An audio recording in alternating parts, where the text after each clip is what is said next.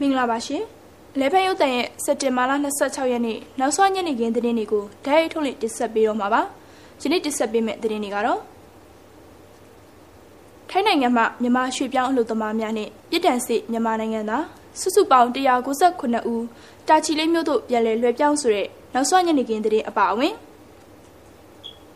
အမေရိကန်ကအခြားနိုင်ငံများအပေါ်တန်ခတ်အရေးယူမှုများလှုပ်ဆောင်နေခြင်းကိုရပ်တန့်ရန်ရုရှားတောင်းဆိုဆိုတဲ့သတင်း စပိန်နိုင်ငံလာပါမာကျွန်းတွင်မိတောင်ပောက်ကွဲမှုဖြစ်ပွားရာမှနေအများပြပျက်စီးတယ်ဆိုတဲ့သတင်းဗီလာအသင်းရဲ့အနိုင်ကိုလူကျွနေသည်ဟုဆိုရှယ်ဝေဘန်နေဆိုတဲ့အစရှိတဲ့သတင်းတွေကိုတင်ဆက်ပေးပါမယ်ပထမဆုံးအနေနဲ့ထိုင်းနိုင်ငံမှာမြန်မာရွှေပြောင်းအလုပ်သမားများနဲ့ပြည်တန်စစ်မြန်မာနိုင်ငံသားစုစုပေါင်း198ဦးကိုတာချီလိမ့်မြို့သို့ပြန်လည်လွှဲပြောင်းနေဆိုတဲ့သတင်းကိုတင်ဆက်ပေးပါမယ်။ ထိုင်းနိုင်ငံကနေမြန်မာနိုင်ငံကိုပြန်လာတဲ့မြန်မာရွှေပြောင်းအလုပ်သမား40ဦးနဲ့ထိုင်းနိုင်ငံအတွင်းအကြောင်းမျိုးမျိုးကြောင့်ပြည်တံကြခံပြီးပြည်တံစေးတဲ့မြန်မာရွှေပြောင်းအလုပ်သမား158ဦးစုစုပေါင်း198ဦးတို့ကိုစက်တင်ဘာလ25ရက်မနက်ပိုင်းကရှမ်းပြည်နယ်အရှေ့ပိုင်းတာချီလိတ်ခရိုင်တာချီလိတ်မြို့မြန်မာထိုင်းအမှတ်နှစ်ချစ်ကြည်ရေးတရားကနေမြန်မာနိုင်ငံကိုပြန်လည်လွှဲပြောင်းလာပါတယ်။ အဆိုပါလွှဲပြောင်းလာသူတွေကိုသက်ဆိုင်ရာတာဝန်ရှိသူတွေကစနစ်တကျစီစစ်လက်ခံဆောင်ရွက်ခဲ့တယ်လို့သိရပါတယ်။ဒါအပြင် COVID-19 ရောဂါပိုးရှိမရှိစစ်ဆေးဆောင်ရွက်ခဲ့ရာအမျိုးသား20ဦးနဲ့အမျိုးသမီး4ဦးစုစုပေါင်း24ဦးတို့မှာ COVID-19 ရောဂါပိုးတွေ့ရှိရတဲ့အတွက်၎င်းတို့ကိုဝမ်လုံး positive center ကိုပို့ဆောင်ဆေးကုသပေးလျက်ရှိတယ်လို့သိရပါတယ်။ ပိုးမတွေ့ရှိတဲ့အမျိုးသား103ဦးနဲ့အမျိုးသမီး80ဦးစုစုပေါင်း183ဦးတို့ကိုဝမ်လုံးကွာရန်တင်းစင်တာမှာနှစ်ရက်ထားရှိပြီးဒုတိယအကြိမ်ကိုဗစ်ရောဂါပိုးရှိမရှိထပ်မံစစ်ဆေးသွားမှာဖြစ်ပြီးရောဂါပိုးမတွေ့မှသာနေရက်အသီးသီးကိုပြန်လည်ပို့ဆောင်သွားမှာဖြစ်ကြောင်းနဲ့ COVID-19 ရောဂါပိုးတွေ့ရှိသူတွေကိုဝမ်လုံး positive center မှာ17ရက်နေထိုင်ပြီးမှသာနေရက်အသီးသီးကိုပြန်လည်ပို့ဆောင်သွားမယ်လို့တာချီလိတ်ခရိုင်အထွေထွေအုပ်ချုပ်ရေးဦးစီးဌာနကနေသိရပါဗျ။ဇွန်လ28ရက်နေ့ကနေစက်တဘာ25ရက်နေ့အထိထိုင်းနိုင်ငံကနေမြန်မာနိုင်ငံကိုပြန်လည်လွှဲပြောင်းလာသူ912ဦးရှိပြီဖြစ်တယ်လို့သိရပါဗျ။နောက်ထပ်သတင်းတစ်ပုဒ်အနေနဲ့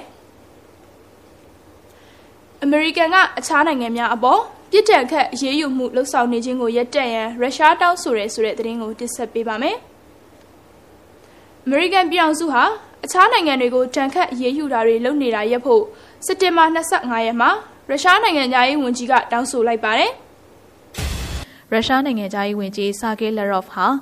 စက်တဘာ25ရက်ကကုလသမဂ္ဂအထွေထွေညီလာခံကိုမိန့်ခွန်းပြောကြားစဉ်အထက်ပါအတိုင်းပြောကြားခဲ့တာဖြစ်ပါတယ်။ ရုရှားအနေနဲ့အာဖဂန်နစ္စတန်၊လစ်ဗျား၊ဆီးရီးယားတို့နဲ့ပတ်သက်ပြီးစိစက်ညှိနှိုင်းတာတွေလုပ်နေတယ်လို့၎င်းကပြောပါရယ်။သမရဂျိုးဘိုင်ဒန်ဟာတခြားနိုင်ငံတွေကိုပုံစံပြောင်းရမှာတုံးခဲ့တဲ့စစ်ရေးနီးလန့်တွေကိုပယ်ချခဲ့တယ်လို့မကြခင်ကပဲကြေညာခဲ့ပါတယ်။အမေရိကန်အနေနဲ့နောက်တစ်ဆင့်ကိုလှမ်းဖို့ကျွန်တော်တို့မျှော်လင့်ပါတယ်။တခြားနိုင်ငံတွေကိုစစ်ရေးနီးလန်းတာမကတခြားအရေးယူတဲ့ပုံစံတွေလုပ်နေတာကိုညှင်းပယ်ဖို့လဲကျွန်တော်တို့မျှော်လင့်ပါတယ်လို့ Larof ကပြောပါရယ်။ အာဖဂန်နစ္စတန်၊ဆီးရီးယား၊လစ်ဗျား၊ယီမင်နဲ့တခြားအန္တရာယ်များတဲ့နေရာတွေမှာပြင်ပနိုင်ငံတွေအနေနဲ့ရင်ကျေးမှုလူအဖွဲ့အစည်းကိုနားလည်ကြောင်းပြသကြရမှာဖြစ်ပါတယ်။လူသားချင်းစာနာမှုဆိုင်ရာထောက်ပံ့ကူညီမှုကိုနိုင်ငံရေးပုံစံမျိုးလှုပ်တာမျိုးကိုညှင်းပယ်ကြပါလို့ရုရှားနိုင်ငံသားရေးဝန်ကြီးကအထွေထွေညီလာခံကိုပြောကြားခဲ့ပါတယ်။ အာဖဂန်ကိစ္စကိုရုရှားပုံစံအတိုင်းလှုပ်ဆောင်နေကြောင်းဆီးရီးယားတည်ငြိမ်ရေးအတွက်လည်းအက်စတာနာလုပ်ငန်းစဉ်အတိုင်းဆောင်ရွက်နေက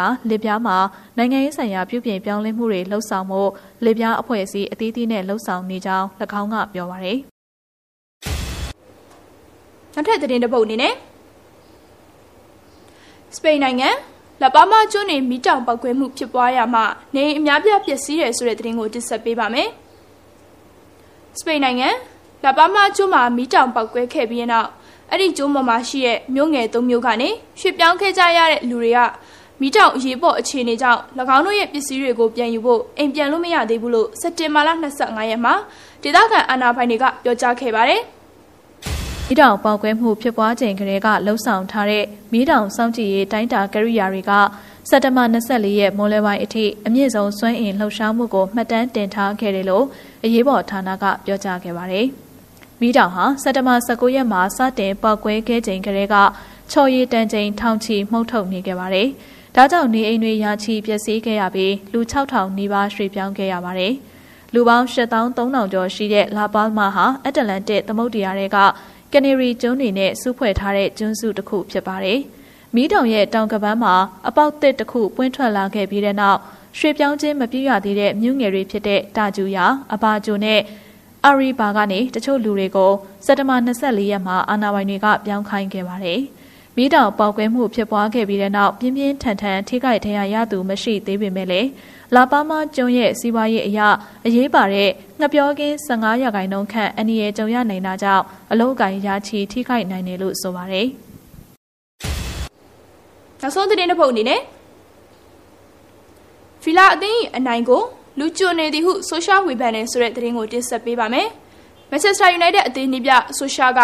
ဖီလာအသင်းနဲ့ပွဲမှာသူတို့အသင်းပေးလိုက်ရတဲ့အနိုင်ကိုဟာလူကျွနေတယ်လို့ဝေဖန်လိုက်ပါတယ်။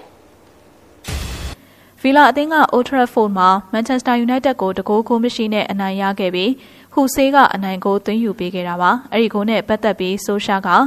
ကောင်းမွန်တဲ့ဂိုးတကိုးလို့ယူဆကျင်စရာပါ။ဒါပေမဲ့လူကြုံဘောဖြစ်တဲ့အနေအထားပါလို့ပြောခဲ့ပါတယ်။ Leicester နဲ့ Brighton ပွဲတုန်းကလည်း Leicester ကွင်းလယ်လူ Harvey Barnes က